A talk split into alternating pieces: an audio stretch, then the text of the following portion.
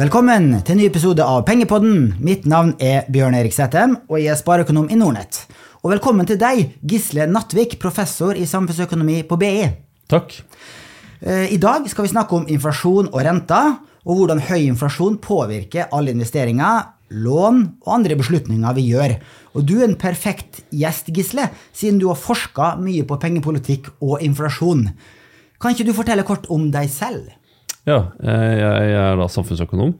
eh, Med utdannelsen min stort sett fra Universitetet i Oslo, og så med diverse gjesteopphold på universiteter rundt i USA og, og i Spania. Eh, Jeg har vært, jobbet som doktorgradsstudent på, på Blindern, og så etter hvert i Norges Bank, hvor jeg var i en seks års tid.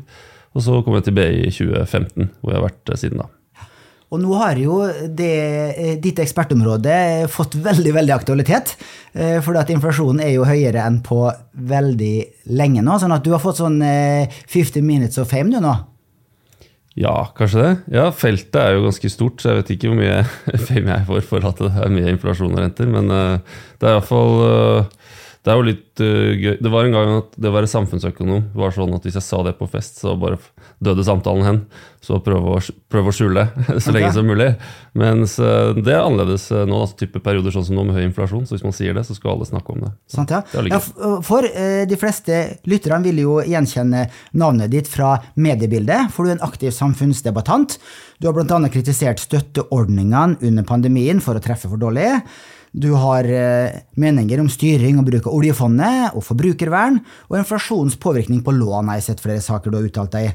Og det er jo supert at du som akademiker er så aktiv i samfunnsdebattanten, i likhet med din andre professorkollega på BI, Espen Henriksen, blant andre, som også er veldig synlig, som også har vært på besøk her i Pengepodden.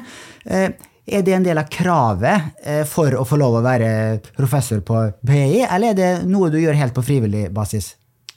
Eh, Det er vel en slags blanding. Det er ikke et krav formelt på BI eh, at man skal eh, delta i samfunnsdebatten, men det er en forventning om at, si, en slags gjennomsnitt av oss da, som er ansatt som samfunnsøkonomer, at vi, at vi deltar i debatten. Så er det jo litt forskjell på folk. Noen eh, er mer begeistra for å snakke offentlig enn en andre. Og så litt, litt avhengig av hva man forsker på. selvfølgelig. Noen ting er det jo lettere å formidle enn andre. Hvis du forsker på statistikk og matematikk, så er det ikke så lett å delta aktivt i samfunnsdebatten, kanskje. Mens sånn som man forsker på inflasjon og renter, så er det jo veldig naturlig å gjøre det. da. Sant? Eh, For eh, det, vi, det er spesielle tider nå når det kommer til inflasjon og renter. For mange av oss, jeg er 51 år, du er 46? Eh, 47. 47. Eh, vi husker jo knapt Altså, jeg var russ 1991. Da var vel inflasjonen over 5 og 93 var kanskje det siste året eh, hvor inflasjonen i Norge var over 5-6 eh, og samme i USA. Så veldig mange av oss har aldri opplevd perioder med høy inflasjon, altså over 5% men det har vi nå, i hvert fall eh, ifølge en del inflasjonstall. Vi skal komme tilbake på det. Det er jo ulike målinger, og inflasjonen er litt ulik fra, fra land til land også. Men på 70-80-tallet så lå inflasjonen i Norge og USA stort sett på mellom 5 og 15 Ja. Det var en veldig høy inflasjonsperiode. Men da, fra begynnelsen av 90-tallet og frem til eh, covid-perioden 2020-2021, så har vi faktisk stort sett hatt lav inflasjon. Nær inflasjonsmålet på 2-2,5% og også fallende renter i eh, stort sett hele den perioden her. Ja. Eh, og, men så skjedde det noe i eh, covid-tida, for da ble eh, Da stoppa økonomien opp. Eh, rentene ble satt i null. Sentralbankene gjorde alt de kunne for å holde aktiviteten oppe. Og med den effekten at eh, når hjulene satte i gang igjen, så begynte prisene å stige voldsomt. Kan ikke du fortelle, eh, eh, dra oss gjennom den storyen? Ja, Det er jo litt forskjellige historier der ute om nøyaktig hva som er grunnen til at inflasjonen ble så høy da når vi kom ut av pandemien. Men eh, kort fortalt var pandemien en periode hvor eh, det ble mye flaskehalser i produksjonen. Så det var jo et sjokk først og fremst til vår evne til å produsere varer og tjenester. Eh, og da når det er begrensa evne til å produsere varer og tjenester, og en del av politikkresponsen var jo da å stimulere etterspørselen, så på en måte så burde det jo ikke komme som noen overraskelse at det blir inflasjon av det. Hvis du øker etterspørselen samtidig som du kutter tilbudet, altså det blir vanskeligere å levere varer og tjenester, eller tenke på det som å redusere produktiviteten, så, så øker jo prisene. Det, det, og det var akkurat det som skjedde. Så er det en stor faglig diskusjon om i hvor stor grad den inflasjonen skyldtes eh, flaskehalser og det som skjedde på tilbudssiden, og hvor mye som skyldtes politikken som, som, stimulerte etterspørselen. Ehm, det tror jeg, Man får aldri et fasitsvar på sånne ting i makro, men det er kombinasjonen av de to. da. Og så kom jo da, etter at korona var ferdig, etter at inflasjonen hadde begynt å øke, ganske lenge etter at inflasjonen hadde begynt å øke i USA, og, og man så det komme ganske bredt til internasjonalt, så kom Russlands invasjon av Ukraina, og vi fikk en voldsom økning av eh, energipriser som konsekvens av, av det. Så det var jo en slags perfekt storm. Da, så det først skjedde noe på tilbudssiden som ble møtt av veldig aggressiv etterspørselspolitikk. Og så, på toppen av det, så kom denne eh, energikrisen. Så er det noe, altså I tillegg så er det sånne forhold som eh, dette med krigen, med handelskrigen, med handel- handelskonflikten, er kanskje bedre uttrykk i disse dager, handelskonflikten med Kina, som gjør at det er en del eh, tendenser til hvordan man produserer varer og tjenester som ikke akkurat er produktivitetsfremmende.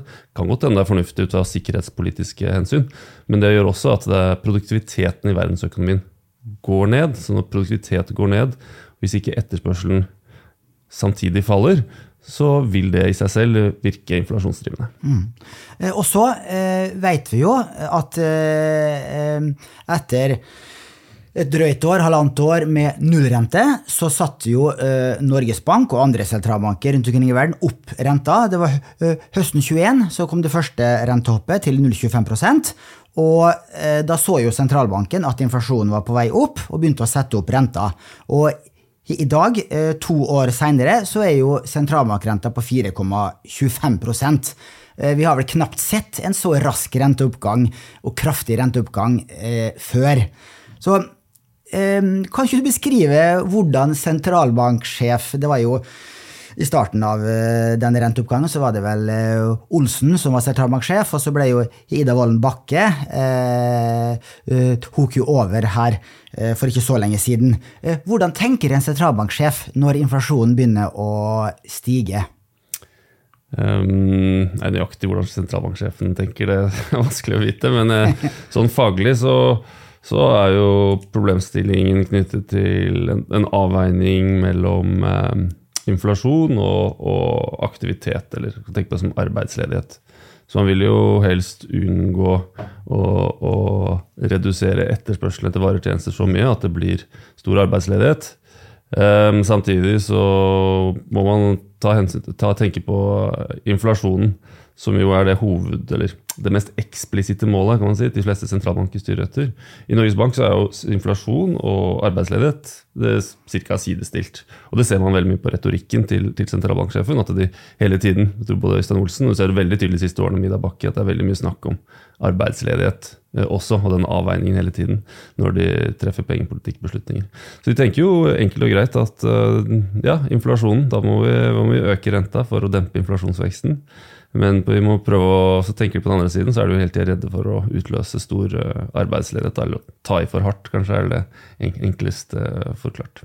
For, for det, det, jo, det er jo tydelige tegn som eh, viser at eh, renteøkning har begynt å bite, for inflasjonen er på vei ned nå. Eh, den norske inflasjonen, altså HPI, eh, den var jo over 7% i oktober i fjor. Og i forrige måned, altså for eh, september, så falt den jo fra 4,7 til 3,3, hvis du ser på den eh, KPI. Eh, eh, den som er justert for avgiftsendringer og energipriser, er fortsatt ganske høy. Den er på 5,7, da. Men ja. også den har falt litt. Og i USA også så ser vi samme tendensen. Den eh, var jo over 6% i store deler av eh, fjoråret, og nå er den på 4,1% siste måneden. Sånn at eh, renteøkningen har begynt å virke. Eh, inflasjonen er på vei ned. Eh, må inflasjonen helt ned på 2,0, som er sentralbanken sitt mål både i Norge, USA og EU, for at renten skal settes ned igjen, eller er det litt pragmatisk, tror du? Um, jeg tror uh, det, er alltid naturlig å, se altså den rentenivået uh, i forhold til uh, inflasjonen. Så en rente sånn som vi har nå, på 4,25, er ikke spesielt høy hvis inflasjonen samtidig er over 4. Um, så sånn som nå har vi en kjerneinflasjon rundt 5 og en rente rett over 4. Så det er jo fortsatt da en eksepsjonelt lav realrente, som da du kan tenke på som den nominelle renta, minus inflasjonen. Um, så jeg vil si hvis du har en, en inflasjon rundt to, så er det vel naturlig med en, en, nominell rente, gjerne, som er en del høyere enn det. Um, når man tenker seg hva er liksom veien fremover, Nå starter vi en situasjon hvor hvor inflasjonen er veldig høy, uh, og har vært det en god stund nå. Uh, så kan det godt tenkes at uh, det er fornuftig å, å, å passe litt ekstra på og ikke senke rentene for tidlig. Um, og det, det, det, har å gjøre med ting som at man lærte kanskje litt fra 70-tallet. At, eh, at da var det flere episoder da, i løpet av 70-tallet hvor inflasjonen var på vei ned. Og så var man veldig rask å slippe opp eh, bremsen, i, i særlig pengepolitikken. Og så skjøt inflasjonen fart igjen. Du har noe som heter baseeffekter i inflasjon, som gjør at du får et, et hopp da, i prisene på et tidspunkt. Så varer det ved i måten vi må måler inflasjon på i ca. ett års tid. Og da vil inflasjonen automatisk på en måte komme ned. Det er akkurat sånn som vi ser nå med inflasjonstallene. Eh, men det betyr ikke at det underliggende, det er den observerte inflasjonen, men de underliggende drivkreftene trenger ikke være at de har kommet så veldig langt ned. Sånn som f.eks. Eh, ønskene om kompensasjon i, arbeid, fra, i, arbeidslivet, altså underliggende drivkrefter mot høyere lønns, lønnsvekst. Eller kanskje det er noen bedrifter som ennå ikke har justert prisene sine. til eh, F.eks. hvis eh, når energiprisene øker, så kan det ta en god, en god stund før det måtte slår ut i alle priser. Prisene justerer seg gradvis. Eh, så selv om energiprisen kommer ned, så er det ikke sikkert at, eller slutter å vokse, så er det ikke sikkert at alle bedriftene er ferdig med å tilpasse seg de økte prisene. Så inflasjon er typisk en ganske treg prosess. Så jeg tipper, da, uten at jeg vet dette, men jeg tipper jo at særlig hvis man leser en del sånne rapporter fra IMF og sånn om dagen, sentralbankene rundt om i verden virker å ha blitt veldig opptatt av akkurat det her. Disse innsiktene fra 70-tallet om man ikke måte, skal la seg lure av baseeffekter. Um, jeg syns det var veldig gjenkjennelig når det kom disse kommunikasjonene sånn, nå var det noe i september, typ, hvor sentralbanken var veldig sånn det de kaller haukete, og opptatt av at de skulle holde rentene høye lenge. Det tror jeg handler om det at de skal være obs på å ikke la seg lure av det man måler, da, som gjerne er drevet av veldig mye av sånne kan være effekter av, som er litt mekaniske. Ja, så, ikke, så selv om uh, trenden på inflasjon er nedover og fallende, ja. så er det ikke nødvendigvis at den trenden vil uh, gå jevnt og trutt ned til inflasjonsmålet på 2% Stemmer. Det, det, tror jeg er en bra måte å si det på. Men eh, så til spørsmålet mitt. Eh, kan Ok, du, du, svarte litt på det, men, men eh, vil Norges Bank, amerikanske sentralbanken, ECB være fornøyd med en Jeg har hørt noen eksperter som mener det. At de vil være fornøyd med en, en rente på, unnskyld, med en inflasjon på 2,5, 2,7, 2,8, 2,9. Eh, og så sette ned, sette ned, renta, selv om den er en del over inflasjonsmålet, da, men bare behagelig, på et behagelig nivå. Det kan sikkert hende, men det, det avhenger helt sikkert av hvordan det ser ut for i arbeidsmarkedet på det tidspunktet. Hvis, det, hvis inflasjonen er 3 og det er stor arbeidsledighet, så vil de helt sikkert eh, ha et ønske om en lavere realrente, altså renten minus inflasjon, enn hvis inflasjonen er 3 og det er null arbeidsledighet. Så, så lenge det er eh, høy utnyttelse av eh, ressursene i økonomien, sånn typisk målt arbeidsledighet, da, egentlig, så, så, tror jeg de vil tenke seg å holde en, etter hvert holde en positiv realrente. Det er jo det som så vidt jeg er klar er priset inn også i de fleste sånne lange renter, at man forventer en høy til en positiv realrente langt frem i tid. Altså at man forventer høyere rente enn inflasjon. Men det kan snu seg fort hvis plutselig det blir eh, boligprisene begynner å rase, eller det blir massiv arbeidsledighet. så tror jeg ikke det er på en måte, det er en avveining hele tiden mellom inflasjon og andre hensyn i realøkonomien.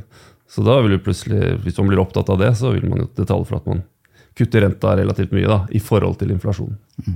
Ja, for eh, Det er et viktig poeng at, eh, for at hvis du setter altså, Hvis de fortsetter å øke rentene nå, så vil det jo etter hvert eh, få store skadevirkninger i økonomien, og du vil kunne få masse arbeidsledighet. Og det vil de jo forsøke å øh, Ja, man unngå. vil unngå det. Man har ikke sett så mye til det til nå, så er det jo også de siste tallene sitt jeg vet fra USA tyder på at det er ikke noen særlige tendenser til eh, voldsom arbeidsledighet. Så eh, det er derfor de kanskje har vært såpass uttalt eller eks eksplisitte på at de skal holde rentene høye lenge. fordi det ser ikke ut som det, det rentenivået de ligger på nå, at det har noen dramatiske konsekvenser i arbeidsmarkedet. Mm. Men det er i hvert fall øh, sånn som du sier, hvis, hvis du ser på eh, rentemarkedet, og i USA så finnes det jo sånne eh, eh, inflasjonsbeskytta obligasjoner som heter eh, eh, eh, TIPS. Og eh, de eh, ligger jo nå på eh, relativt høye nivå. Hvis du ser på denne tiårs statsobligasjon, realrenta der ligger nå på rundt 2,5 eh, I 2020 eh, røftlig så lå den jo på minus 1 Ja. Eh, Så nå kan du jo faktisk plassere eh, pengene sikkert i det amerikanske statspapirer med tiårs rentebinding og være garantert 2,5 realavkastning. ja. Og det eh, er det veldig mange år siden sist. Hvis jeg ser på grafen min her, så er det tilbake i eh, 2008 ca. Da var jo realrenta realrenta på statsobligasjoner så høy som det er i dag. Og det tyder jo på at vi vil altså Markedet forventer i hvert fall en positiv realrente fremover, og det skal vi kanskje være glad for òg. Fordi at en negativ eh, realrente tyder jo på at du, det vil gå ganske dårlig med økonomien i lang tid fremover. Ja, det er typisk så er det det. Altså, sånn, helt sånn faglig så måler man gjerne hvor eh, ekspansiv, da, eller hvor, hvor mye tar sentralbanken i for å stimulere økonomien. Um, eh, det måler man gjerne ved realrenten, eh, ikke ved rent, nominelle renten i seg selv. Det er det som ofte er litt frustrerende som, som fagøkonom og se på den diskusjonen i avisen. Så er alle, folk er bare opptatt av, eh, ja, unnskyld, av nominelle renten i seg selv, uten at de korrigerer for inflasjonen. Det jo Altså det er mange grunner til at eh, det som står i læreboka, ikke nødvendigvis er alltid riktig og treffer alt, men det å helt ignorere, diskutere renter løsrevet fra inflasjon gir ikke så mye mening. Så den realrenten den, den sier jo gjerne noe om hvor, hvor streng eller stram pengepolitikken er. Eh, Så som du sier, tidligere så var den realrenten ekstremt lav, som til- tilsier en veldig løs eh, pengepolitikk. Så kan man si at faglig, det vi gjerne tror vi kan mene noe om eh, på, på lengre horisont, det er ikke den nominelle rentenivået i seg selv, men realrenten tenker vi også det er, det er noe som avhenger av realøkonomiske størrelser, sånn som demografi og fordeling av eller inntektsulikhet og formuesulikhet. Um, produktivitetsutvikling på lang sikt. Og det er forhold som eh, driver realrenten eh, over tid. Så før var det en veldig stor faglig diskusjon før nå, sier, opp frem til 2020 om hva det er som forårsaker de lave realrentene, for de hadde jo falt over veldig lang tid.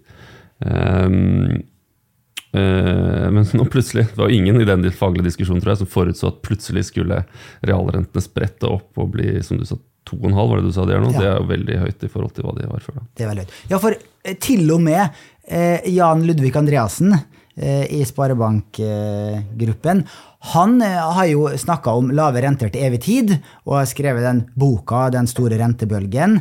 Eh, og Ok. eh, har sagt at ja, renta vil bli, forbli lav til evig tid. Oh, ja, okay. På grunn av eh, eh, demografiske endringer, spareoverskudd i befolkninga. Ja? Ja. Vi lever lenger, eh, alle må spare mer. Eh, til og med han nå har gått tilbake på det. Eh, Og eh, Ja, altså det er Han er jo han er, han er ikke alene om å ha trodd at dette var et veldig vedvarende fenomen, disse lave rentene. Um, det er en del av de forklaringene som har noen uh, huller, men ja, det har vært mange som har hatt gode forklaringer vil jeg si, på hvorfor det er naturlig at uh, realrenten da faller, uh, eller skulle falle nå. Sånn som du sa, demografiske trender, eller det, et spareoverskudd. Sånn spareoverskudd er jo litt sånn fishy ord. Men så har det vært en del teorier om sånn som inntektsulikhet. Det er en del som har tenkt på veldig mye det. Da, at, det at det er økende ulikhet. At det gjør at du får en klasse av folk som, som leter etter steder å plassere pengene sine. Så får du en annen klasse som er veldig interessert i å låne pengene. Og så kan du på en måte like vekt for at det da blir et slags spareoverskudd. Mm. Men det, er, eh, det, det, viser seg at uh, som økonomer så har vi ofte en tendens til å lage Eh, teorier og dype forklaringer om det vi observerer, og så endrer verden seg plutselig, og så er, passer ikke det kartet med terrenget i det hele tatt lenger.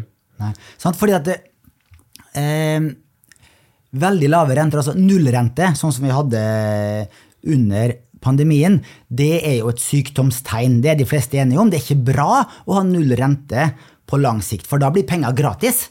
Og da gjør man veldig mange dumme beslutninger. Det er lett å ta opp lån og kjøpe ny bil og ny hytte. og... Sånn ja, bruke mye mer enn man har råd til, for det er så billig å ta opp lån og betjene lån. Så det at det er en viss realrente på penger man låner og investerer, er vel bare bra for eh, verdensøkonomien totalt sett. Er du enig i den påstanden?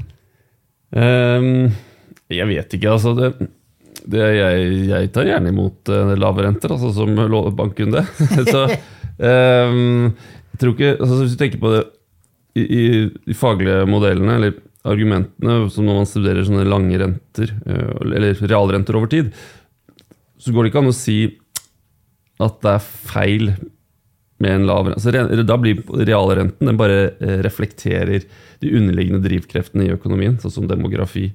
Eh, at det blir, Hvis det er aldring, så vil det være flere som ønsker å spare eh, enn de som ønsker å konsumere. Og så kan det bli et visst sånn, spareoverskudd, som du kaller for, og som driver rentene ned. Altså prisen eh, eh blir, faller. Men det det, det, blir litt som om det plutselig var mange som ville produsere biler.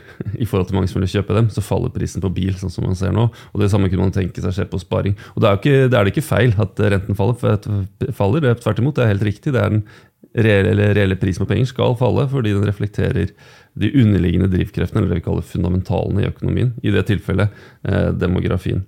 Eh, sånn, det du sier, er mer sånn type Finanstilsyn og Norges Bank og Finansdepartementsspråk. Jeg liker godt å krangle med, med, dem om sånne ting. Det er mye paternalisme der, om at uh, uh, folk treffer så dumme beslutninger hvis rentene er lave. Det, det, det kan godt hende, det. Altså, man ser vel kanskje noen antydninger til det uh, av og til. Men jeg syns man skal være litt forsiktig da, i hvert fall, med å hoppe på den konklusjonen. Vi må i hvert fall ha gode, godt empirisk belegg for at folk treffer dårlige beslutninger når rentene er lave, og bedre beslutninger når rentene er høye. Jeg har ikke, jeg har ikke sett noen sånn strålende empiri som overbeviser meg om at det er sant. Det var litt overraskende fra en professor i samfunnsøkonomi, egentlig. At du, du eh, tror ikke at det nødvendigvis er så store skadevirkninger av å ha en lav rente over altså, lang tid? Den, den, det fins gode grunner Rentene skal, vi skal ha lave renter. Hvis det, hvis, hvis det, er den rette renten, så er det den rette renten, sånn som disse teoriene om spareoverskudd.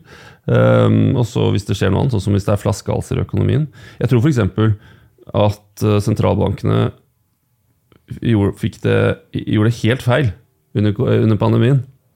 Um, uh, absolutt ikke alle som er enige med meg om det, men uh, at man møtte en, en, en krise som rammet tilbudssiden i økonomien, først og fremst, og så møtte man dem med veldig ekspansiv etterspørselspolitikk sentralbankene på sentralbanken betyr det kutte rentene. Det var veldig forståelig at man gjorde det helt umiddelbart, i mars 2020. At man var redd for en slags likviditetskrise og at det skulle skje i finansmarkedene. Helt forståelig at man kutta rentene drastisk og veldig raskt. Veldig rart at man, Jeg syns det var veldig rart der og da, og jeg synes i hvert fall det i retrospekt, at man ikke økte renten igjen mye tidligere. Um, det, det, kan en se ut som rentene var feil. At de, ikke, at det er rett og slett at de ikke reflekterte de underliggende fundamentale forholdene i økonomien. Som da var at det var knapphet på tilbudssiden. Eh, og, og enkel læreboksteori om pengepolitikk sier at hvis det er knapphet, så skal renten opp, ikke ned. Mm. Og, og, læreboken fikk det utrolig nok helt rett. da. Hvis du, hvis du, hvis du prøver å løse et problem med, med, knapphet, med lave renter, så får du høy inflasjon. Og det var akkurat det som skjedde. Sant. Eh, en mekanisme vi ikke har snakka om eh, så langt, er jo eh,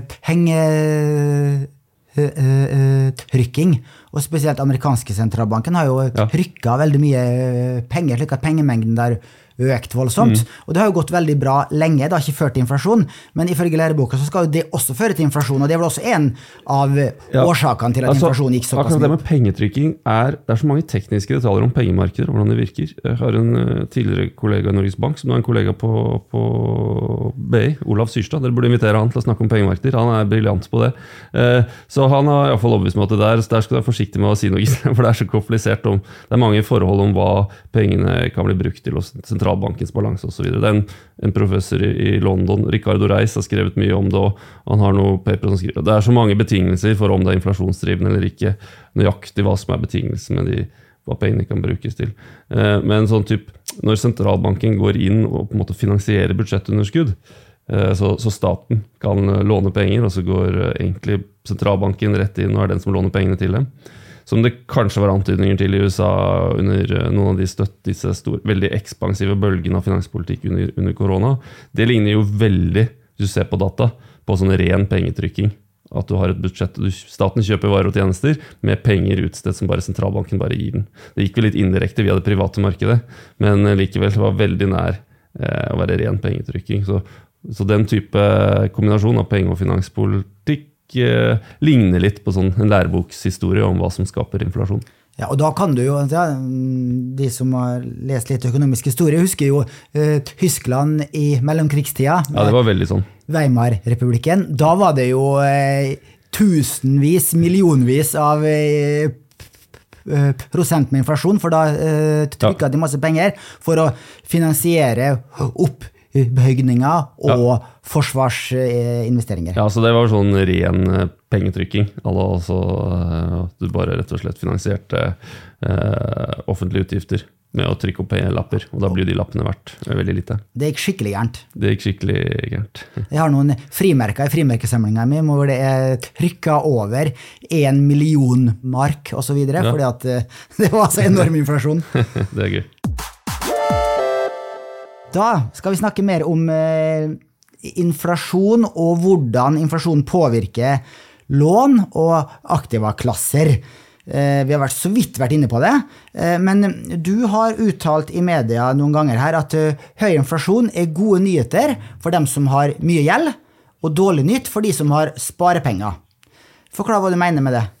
Ja, Det er jo satt litt på spissen, men i utgangspunktet, hvis til en gitt rente, hvis renta ligger helt fast, nominelle rente altså, og inflasjonen øker, så blir jo eh, alt av eh, pengebeløp mindre verdt. Du får mindre varer og tjenester for de pengene. Så hvis du har penger i banken, hvis du har, hvis du har sparepenger, så blir de sparepengene mindre verdt. Du får færre varer og tjenester for det. Så da, det, taper, da, det er synd for deg hvis du har sparepenger. Det er litt som å ha spart til en ferie. Hvis du har spart til en ferie, jeg skal ta med familien til Japan, og så plutselig depresierer krona med 20% så blir jo plutselig så har du 20% dårligere kjøpekraft på den ferien. Um, eller så har du motstykket til det, og de som har gjeld. Det blir akkurat det samme, bare med motsatt fortegn. Du har gjeld, plutselig er de pengene verdt uh, mindre. Du trenger ikke å ofre like mye konsum for å finansiere det lånet. Eksempel en, hvis en, en ferie med hele familien til Japan, det er drømmen din, du, eller den typen til aktiviteter, og det, det koster deg 100 000, og du har en million i gjeld, og så plutselig dobles eh, prisnivået da, på denne ferien. Så istedenfor at du må ofre ti sånne ferier for å betale gjelda di, så trenger du bare å ofre fem. Så det er, eh, det er helt sånn mekanisk eh, logikken. Jeg tror folk, folk er veldig vant til å tenke på det i forhold til lønn. Så, det, så vet jo alle, alle er jo klar over det, at hvis lønnsoppgjøret blir dårligere enn inflasjonen, så faller kjøpekraften deres. Og det er akkurat det samme med gjeld, og det er akkurat det samme med spare, sparepenger. Mm. Eh, Så bare for å ta enda et enkelt eksempel. Har du fem millioner i lån, typisk en ung nyetablert, versus en pensjonist da, som har fem millioner på bankkonto. Og hvis inflasjonen er 5 de tolv neste månedene, eh, som, som, som eh, i hvert fall omtrent har vært de eh, tolv foregående månedene, så vil jo de fem millionene være eh, verdt eh, 250 000 kroner mindre, så da er lånet bare verdt eh, 4 750 000. Det stemmer. I realpriser, og lånet eh, ja, og, det bankinnskuddet på 5 millioner er også bare verdt eh, 4 750 000. Du har Ja. fått litt rente, men du har sannsynligvis ikke fått like høy rente som inflasjonen har vært. Ja, nettopp. Så Det er derfor det er viktig hele tiden å se rentenivået i forhold til inflasjon. Så hvis eh, renten hele tiden beveger seg i takt med inflasjonen, så har ikke dette noe å si. Da går det, det ene slår det andre i hjel hele tiden. Eh, mens eh, hvis, eh, hvis eh, du har eh, inflasjon som er større enn renten, så er utgangspunktet det gode nyheter for deg med, med lån, og, og dårlige nyheter for deg med sparepenger. Så hvis du er på venstresida da, og, vil, eh, og du har mer sympati for og unge i etableringsfasen enn eldre rentenister, så skal du kanskje juble for, for høyere inflasjon? Eh, ja, alt annet likt, så skal man kanskje det. Altså, det som gjør, jeg tror det som gjør at den diskusjonen blir litt forvirra, er at folk bland, begynner å blande inn lønn. Så sier de ja, ja, men lønna vokser jo ikke i takt med inflasjonen. Ja, men poenget, Det er noe litt annet. Så på kort sikt, hvis det er sånn ren inflasjon, betyr at alle prisene øker i takt. Så på kort sikt så kan det hende lønnen ikke holder helt følge. Men hvis det er ren inflasjon, så da vil lønna etter hvert ta igjen denne økningen i prisnivået. Hvis den ikke gjør det, og du får et sånt varig fall i reallønnen, da må det ha skjedd noe mer fundamentalt i økonomien, enten at folk har blitt mindre produktive, eller at eh, arbeidstakere har fått mindre forhandlingsmakt ved bordet, så en større del av verdiskapingen går til eh, eierne og mindre til arbeiderne. Men det er, det er noe annet enn inflasjon. Da er det noe, noe annet som har skjedd i økonomien, at, vi har blitt, at produktiviteten har falt f.eks. Eller at, at maktbalansen har eh, endra seg. Men liksom den effekten av inflasjon i seg selv, den skal ikke påvirke reallønnen på, på, på lang sikt. Mm. Nei, for, eh, du nevnte lønnsvekst. for at eh, De unge boligkjøperne da, med fem millioner i lån, det er ganske mye, men det er ganske vanlig i, i Oslo, i hvert fall hvis du er et par. Eh, de føler seg ikke akkurat rikere nå, selv om, selv om lånet har krympa. Det er med god grunn. Så det er jo fordi renten reagerer jo. Eh, Så det som skjer, er jo at inflasjonen går opp, så øker renten sånn som den skal. Eh, Og, og da betyr det at du får høyere løpende utgifter eh, på lånet ditt. Så du vil få dårligere eh, likviditet. Hvis du betaler akkurat like mye avdrag som før, så får du dårligere likviditet nå. Men det betyr også at eh, den realgjelden som du sitter igjen med om et år, blir mye lavere enn den ville vært med lavere inflasjon. Så, så på kort sikt så får du det verre fordi du har lavere likviditet i år. Eh, På lang sikt så får du det bedre fordi du får en høyere formue. Realgjelden din har blitt, uh, blir lavere.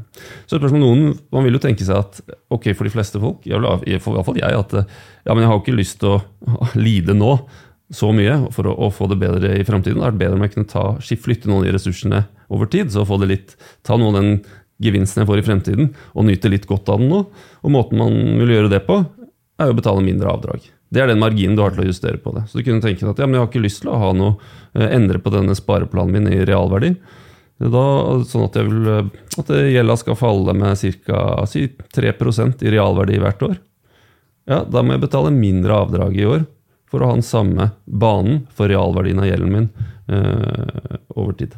Jeg har sett at du har ment det, at det skal bli lettere å få avdragsfrihet eh, for de med mye boliglån, men du har ikke fått noe særlig gehør fra det hos Finanstilsynet og hos bankene heller, så vidt jeg har sett? Nei. Um, jeg, jeg har prøvd gjentatte ganger å få svar fra Finanstilsynet og Finansdepartementet. Jeg syns det er litt gøy å være eksplisitt på det, fordi det er veldig sjelden som økonom når du er i avisen i sånne debatter at du føler at det, her, har, her har jeg helt rett. Men akkurat her sånn, så føler jeg at dette er litt sånn det er nesten en åpen låvedør.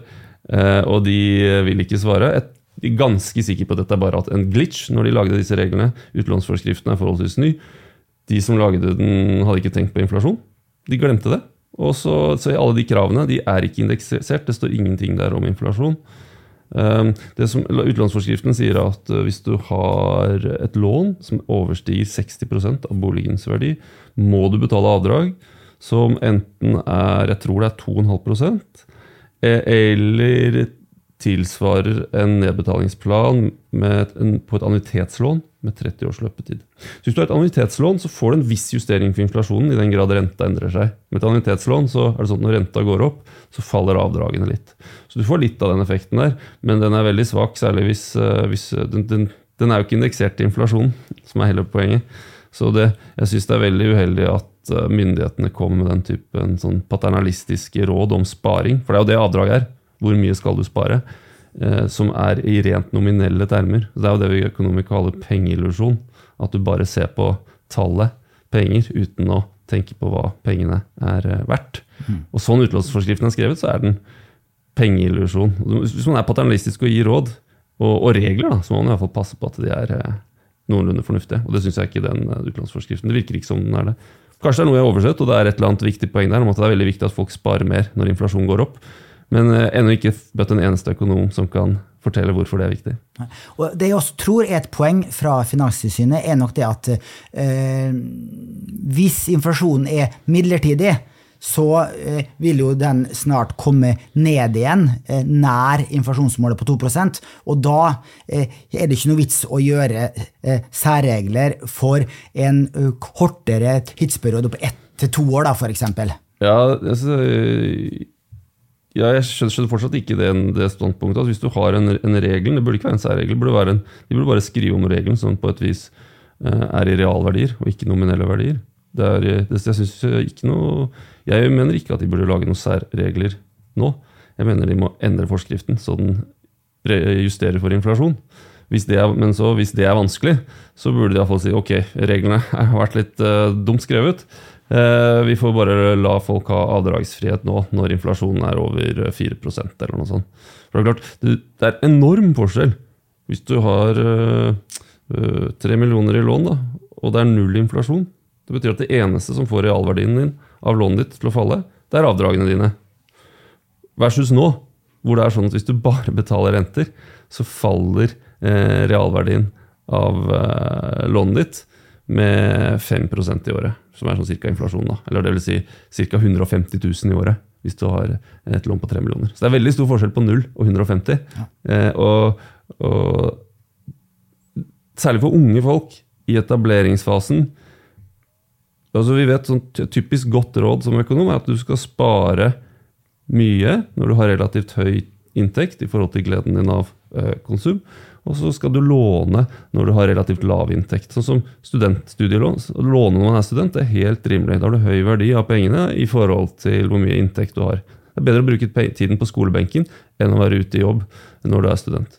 Um, og for mange unge folk så er det fortsatt sånn at det er ikke nødvendigvis når du er 27 eh, at du skal det er da du virkelig skal trå til å spare i livet.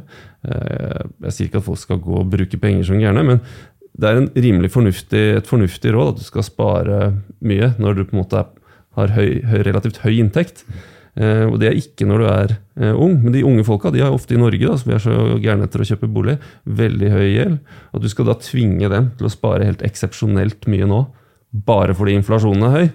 Det slår meg som et svært eh, rart spareråd.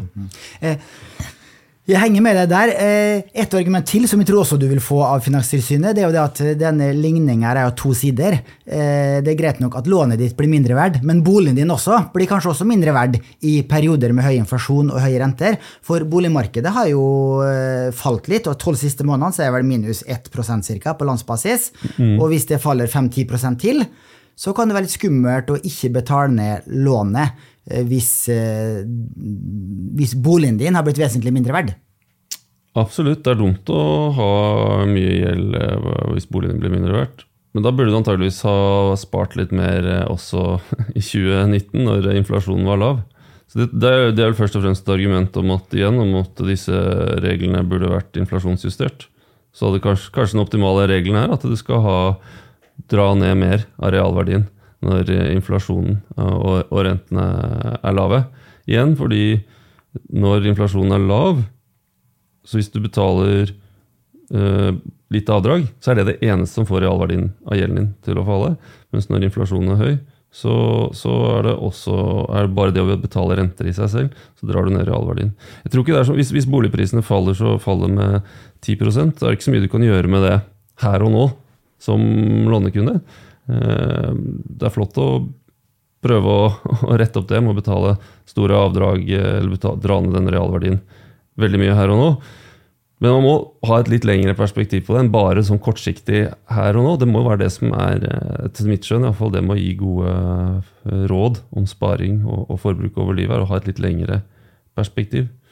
Um, så ja, det kan godt hende boligprisene faller. Det, det var også tilfellet i 2019, at boligprisene kan falle i fremtiden. Uh, så jeg ser ikke helt at det er fortsatt ikke noe argument for at det er akkurat nå, når inflasjonen er høy, at vi skal uh, spare mye.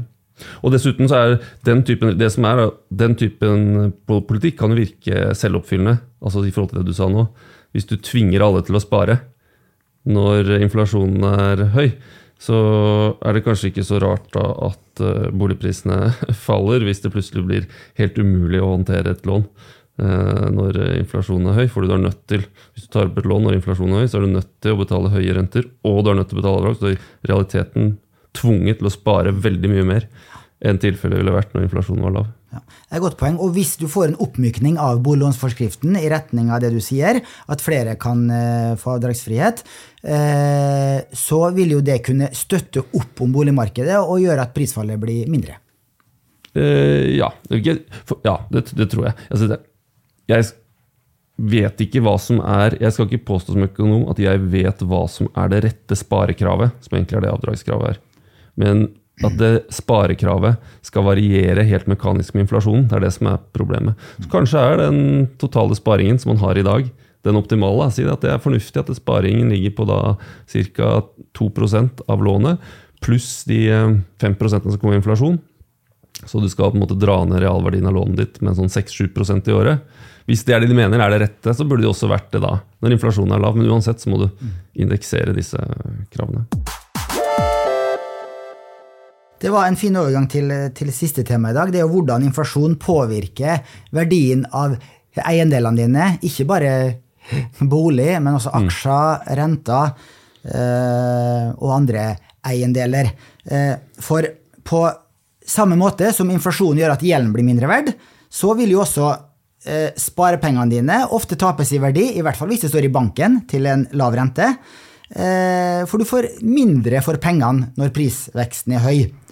Så eh, nå skal vi diskutere litt hvilke eiendeler og hvilke aktivaklasser bør du sitte med hvis inflasjonen skal holde seg høy over lang tid. Og du sa til meg før sendinga at det er ikke mitt, mitt ekspertområde. Det, jeg er makroøkonom, ikke finansiell eh, rådgiver, så jeg skal være veldig forsiktig med å jeg tror man ikke blir rik av å høre på rådene mine. Men det er jo litt interessant å eh, tenke litt omkring det, og jeg har henta frem eh, noen eh, tall som er nesten tilbake Altså hvor, hvor man har sett på hvilke aktivaklasser som har gjort det bra i høye inflasjonsperioder de siste 90 årene. Ja. Og det er jo interessant å interessant. se på. For ifølge læreboka og finansteorien, så sier i hvert fall den at i perioder med høy inflasjon så er det realaktiva som du skal sitte på. Altså Det er ikke nominelle verdier. Du skal ikke ha pengene i banken, og i hvert fall ikke i madrasser i perioder med høy inflasjon. Du skal ha de i eh, fysiske eiendeler, gjerne råvarer. Eh, du skal ha de i eiendom. Du skal ha de i i eh, bedrifter og næringslivet. For det er mm. typisk eiendeler som vil stige i verdi med inflasjonen, hvis du ser grovt på det. Og du skal ikke sitte med obligasjoner, nominelle obligasjoner. Sant, ja? Hvis du lånte ut penger til Jeg vil jo tenke som teoretiker at sånn i utgangspunktet så er det litt for seint nå. Fordi altså det, Alt dette skal jo være prisa inn. Så hvis markedet er noenlunde effektivt, og det vil jeg jo tro det er, så hvis du kan Hvis det er lurt å sitte med f.eks. Eh, næringseiendom istedenfor obligasjoner, så er det gjenspeila allerede i prisene på obligasjonene versus næringseiendom, eller eh, hva det nå måtte være. Så i utgangspunktet så skulle man jo tenke seg, i hvert fall teoretisk, at eh, at uh, når informasjonen først er her om at nå har vi høy inflasjon, så er det for seint. Og uh, da blir det alle disse prisene i finansmarkedene har justert seg for dette for lenge siden. F.eks. prisen på gull, da, hvis det er så lurt å sitte på gull. Så hvis alle løper og kjøper gull, så stiger jo prisen på gull med en gang. Og så da er det toget gått. Nå er prisen på gull justert seg for nettopp det at nå er det en periode med høy inflasjon. Helt, helt riktig. Uh og for eh, gullprisen da, for eksempel, har steget med 20 siste tolv måneder. Nettopp. Ja. Eh, mens eh, oljeprisen den er omtrent flat da siste tolv måneder. Det, det skyldes litt øh, måletidspunkt og slike ting. Men hvis du ser på siste tre år, så har oljeprisen steget med 100% Det er også målt i øh, dollar, da. Eh, men det er ikke alle råvarer som har steget eh, spesielt mye. Hvis du ser på den Bloomberg sin eh, commodity-indeks, eh, som er en diversifisert indeks med råvarer, hvor energi teller 30 eh, korn, hvete og andre landbruksprodukter 22% industrimetaller 15 edle metaller 20% og så er det noe småplukk i sukker og kaffe og eh, ku og gris, som er de siste eh, 10 prosentene, den har eh, siste tolv måneder gitt minus 5% i amerikanske dollar, f.eks. De siste tre årene så er den opp 20% analysert. Sånn at eh, det er ikke entydige eh, svar her, hvis du ser eh, på noe eh, Ja. nyere historie, da, siden inflasjonen begynte å skyte fart. Og så kan jeg også nevne et aksjer. Hvis du ser på MSA World Index, målt i amerikanske dollar, så har den steget rundt 20% siste tolv måneder. Eh, tre siste år knappe 9 analysert. Eh, siste fem år rundt 8 analysert. Eh, det som har gjort det dårlig, som også er riktig ifølge læreboka, det er at lange obligasjoner eh, Her da målt med eh, ti års amerikanske statsobligasjoner. De er ned rundt eh, 10 siste tolv måneder. Siste eh, eh, tre år også ned 10 analysert. Ja. Det er, jo, det er jo over 30% akkumulert. Så verste sted å være er jo typisk lange obligasjoner. For, for ett, to, tre år siden så fikk du jo bare eh, 1-2% for å låne ut penger til amerikansk stat eh, i neste ti årene. Mens nå får du eh, er det rundt 5 sant, ja? Og det å sitte da med en sånn en nominell fordring eh, Ja. med en lav rente i ti år, det er jo døden. Ja. Eh, det mange det gjenspeiler, er jo at den informasjonen vi har, ser nå, har kommet overraskende. Eh, Så Det er jo nettopp det disse prisene som publikasjonene gjenspeiler, at det kommer inn ny informasjon. Som, så For noen år siden så trodde man fortsatt at dette var forbigående inflasjon. Eh, Putin opp egentlig et sånt historisk perspektiv, for inflasjon viser seg å være veldig tregt. Men eh, eh, det var vel forventningen overalt, det, at det skulle være forbigående. Så da var det på en måte det som var eh, Likevektsprisen var en, en, at lave renter på statsobligasjoner den gang. Og og etter hvert som man har innsett at inflasjonen trolig er høy lenge, så endrer det seg eh, fort. Jeg leste en bok eh, i sommer om inflasjon, og særlig med mye historier om 70-tallet, som var veldig mye like tall som det du, du eh, sier nå. Eh, Da husker jeg var overraska da jeg leste hvor dårlig det gikk med aksjer. Eh, Men som han forfatteren skrev, Stephen King heter han, ikke den samme som krimforfatteren, men en annen en, eh, eh, det kan jo handle om Han tenkte på det som et bilde på inflasjonens eh, ødeleggende effekter. Da. At aksjer, det aksjer, hvordan det går med aksjer, gjenspeiler litt med hvordan det går med økonomien for øvrig. Så en periode med veldig høy inflasjon er typisk en periode hvor det etter hvert går ganske dårlig med økonomien. Og da er det det som eh, At aksjekursen i stor grad gjenspeiler dette. En annen, en annen forklaring kunne vært at det som driver inflasjonen, f.eks. er flaskehalser og, og lav produktivitet. Og det vil typisk være det som driver aksjer også. Så det er en utelatt variabel, som vi sier som økonomer. Altså en, en variabel som ligger i bakgrunnen og driver både inflasjonen og, eh, og utbyttekapasiteten til, til selskaper. Sant? Mm. Og eh, når det gjelder eh, aksjer spesielt, så, eh, så eh, har jo de gjort det ekstremt bra nå de siste tolv måneder, hvis du ser Ja. på globalt basis. Det skyldes jo mye også at de store amerikanske teknologiselskapene har fått en ekstra boost pga. AI, mm. og at man tror at det vil øke fremtidig overskudd voldsomt. Det gjenstår jo litt å se også. Eh, Men når det gjelder hvordan aksjer blir påvirket av økt inflasjon, så, så har jeg lest det at det er, det er to motstridende faktorer her. Fordi at um, høyere inflasjon gir som regel høyere renter, fordi sentralbanken vil bekjempe denne inflasjonen. Og høyere renter vil jo gi en høyere diskoteringsfaktor, når du da skal eh, beregne nåverdien til et selskap. Eh, da vil jo fremtidig overskudd bli mindre verd, og da får du en negativ effekt på aksjeverdien. Det er den ene effekten, som trekker aksjekursen nedover.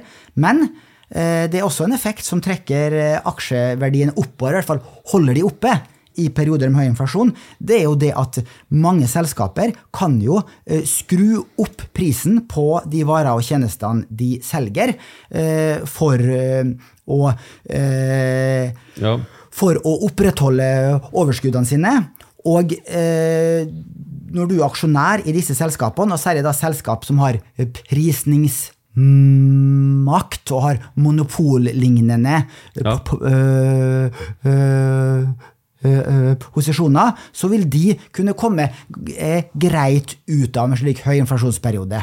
Ja, det er en altså jeg, blir litt sprø av sånn Jeg klarer aldri å skille Plutselig så snakker man om nominelle renter og nominelle priser istedenfor realverdier. Da, jeg, da blir jeg veldig forvirra. Men um, uh, real, hvis rentene øker mer enn inflasjonsforventningene, som vi snakket om tidligere, disse lange realrentene i USA, så er det veldig naturlig at man da diskonterer disse realverdien av utbyttene til selskapene, eller eh, cashflowen til selskapene.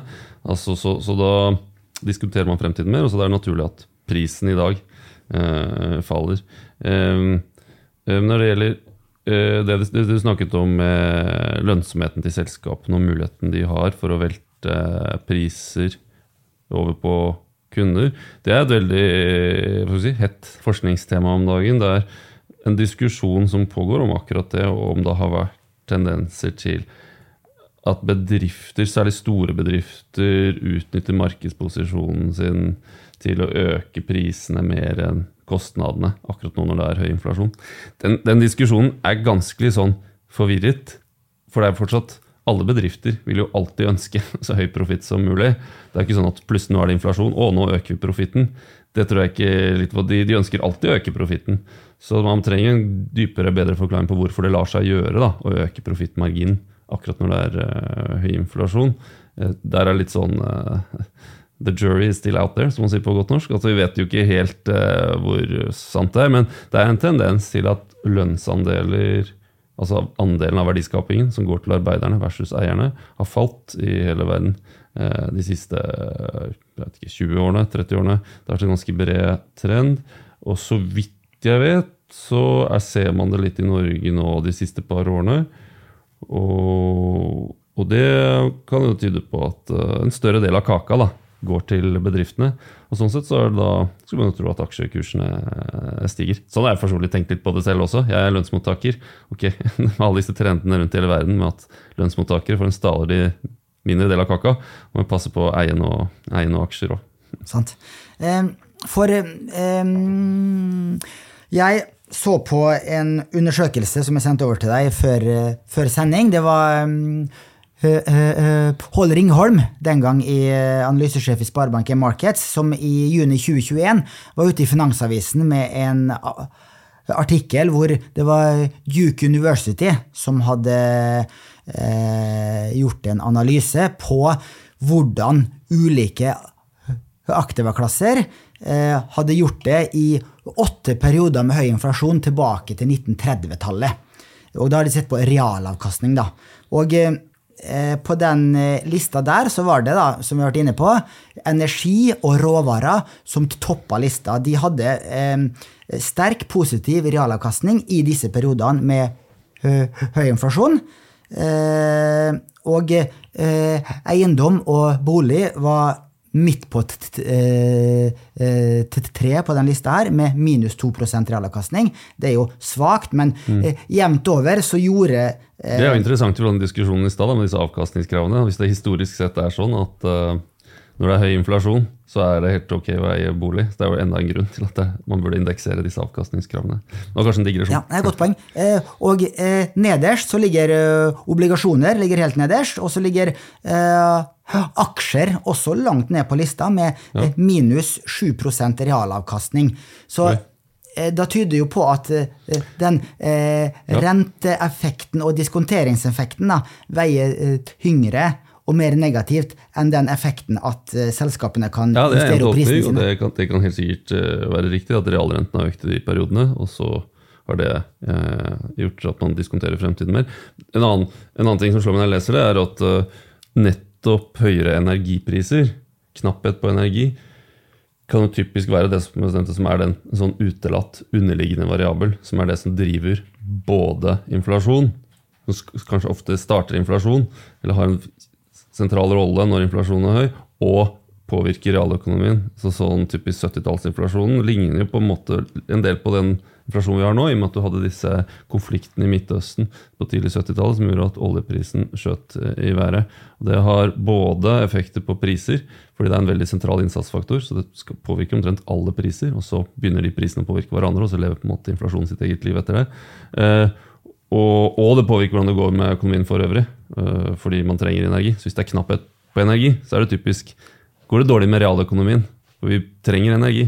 Um, og det er litt også sånn som man, man ser nå. altså Vi kan gjerne klage på prisene, uh, og det er dumt med høy inflasjon. Men det, det store problemet er jo at uh, knapphet på energi reduserer jo gjerne verdiskapingen. da.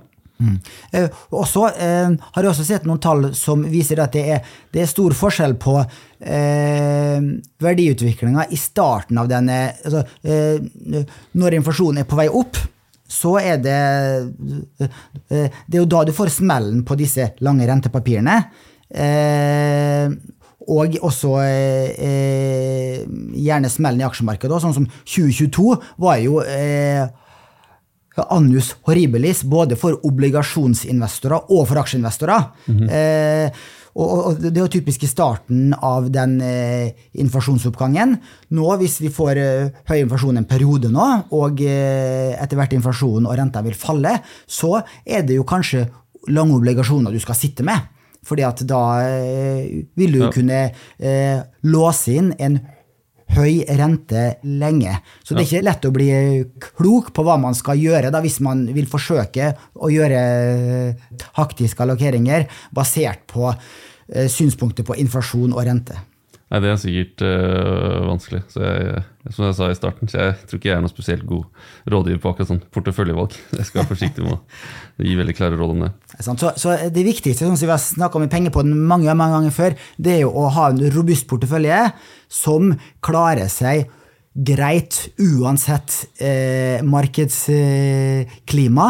Eh, om du har litt renter og mye aksjer, eh, i hvert fall hvis du er ung, så bør du ha en høy aksjeandel i sparinga di. Og hvis du tror du kan slå markedet og tror du kan slå et globalt indeksfond, så kan du gjerne forsøke å vekte opp og ned på sektorer, verdi og vekst, renter, high yield osv. Det er veldig morsomt og lærerikt, men undersøkelsene viser jo at eh, mindretallet klarer å slå indeksen ved å forsøke å være smart. Ja, noe annet ville jo vært eh, helt eh, sensasjonelt. Det må nesten være sånn hvis markedet fungerer noenlunde effektivt. Um, så det er jo det en indeks betyr. Hvis det fins en vinner, så fins det også en taper. Hvis du legger til at det fins noen som eh, jobber profesjonelt med å sitte og investere, så virker det nokså heroisk å tro at man skal eh, sitte på gutterommet eller jenterommet og, og slå markedet eh, over tid. Eh, dette er sånn typisk som man ender opp med å forklare over noen øl utenfor byen når folk skal begynne å snakke om de smarte sparerådene sine. Så man blir jo ikke så veldig populær som økonom av å si sånne ting. Så jeg prøver å ikke si for mye om det, for det er så kjedelig råd. Men uh, eh, det er uh, Jeg tror det er få ting som er så godt dokumentert i økonomifaget som at det å prøve å drive med sånn aktiv finansielle strategier, strategier, aktivt forvalta fond gjør det dårligere enn indeksfond osv. Det er beinsolid dokumentert. Altså, du taper bare pengene på forvaltningshonorarer. og Eller ja, bedre å holde noe indeksfond eh, hvis du skal spare lenge over tid. Man kan gjøre noen justeringer for, i forhold til hva slags risiko man tåler, da, men det er ganske sånn teknisk. Da. Man kan tenke at man jobber i en bransje, f.eks. At du har en jobb som, eh, hvor du, inntekten din er veldig uavhengig av hvordan det går med konjunkturene. Eksempel hvis du er lege. da jobber i staten, så er jo ikke det sånn at hvis det går dårlig med økonomien, betyr ikke det nødvendigvis at du får lavere inntekt. Så da har du en ganske god risikobærende kapasitet i forhold til ja, f.eks. de som jobber i Nordnett, da, eller de som jobber på børsen. Mm. Det, eller hvis du har en, har, har en jobb som er veldig konjunkturutsatt, hvis du er typisk håndverkerbransjen, f.eks. Jeg ville tenkt at hvis du er eh, utgangspunktet, hvis du er eh, håndverker så, eller jobber i byggebransjen, så er det kanskje det grunn til å holde litt eh, mindre aksjer og litt flere obligasjoner vanligvis, fordi arbeidsinntekten din varierer veldig sammen med, med aksjekursene ellers. Så når du har behov for penger da, fordi du har mista jobben, så faller verdien av sparepengene dine samtidig. Så det er det du skal prøve å hvis du skal gjøre noe annet enn en sånn indekssparing, så er det vel det, tenker jeg, å tenke litt igjennom hvordan ser akkurat din inntektsprofil ut i forhold til markedet. Godt poeng, det. Så det du sier da, Gisle, at eh, du har en sikker jobb, du tror ikke på at du kan slå markedet. Du sitter, så Din private spare- og pensjonsportefølje det er 100% global aksjeindeksfond. Ja. Enkelt og greit. så bra. Tusen takk for at du kunne komme i dag, Gisle. Det var kjempeinteressant å få plukke litt på hjernen din. Jo, takk for at jeg fikk komme. Det var gøy å være her. Takk til alle som hørte på også, så høres vi igjen om en uke.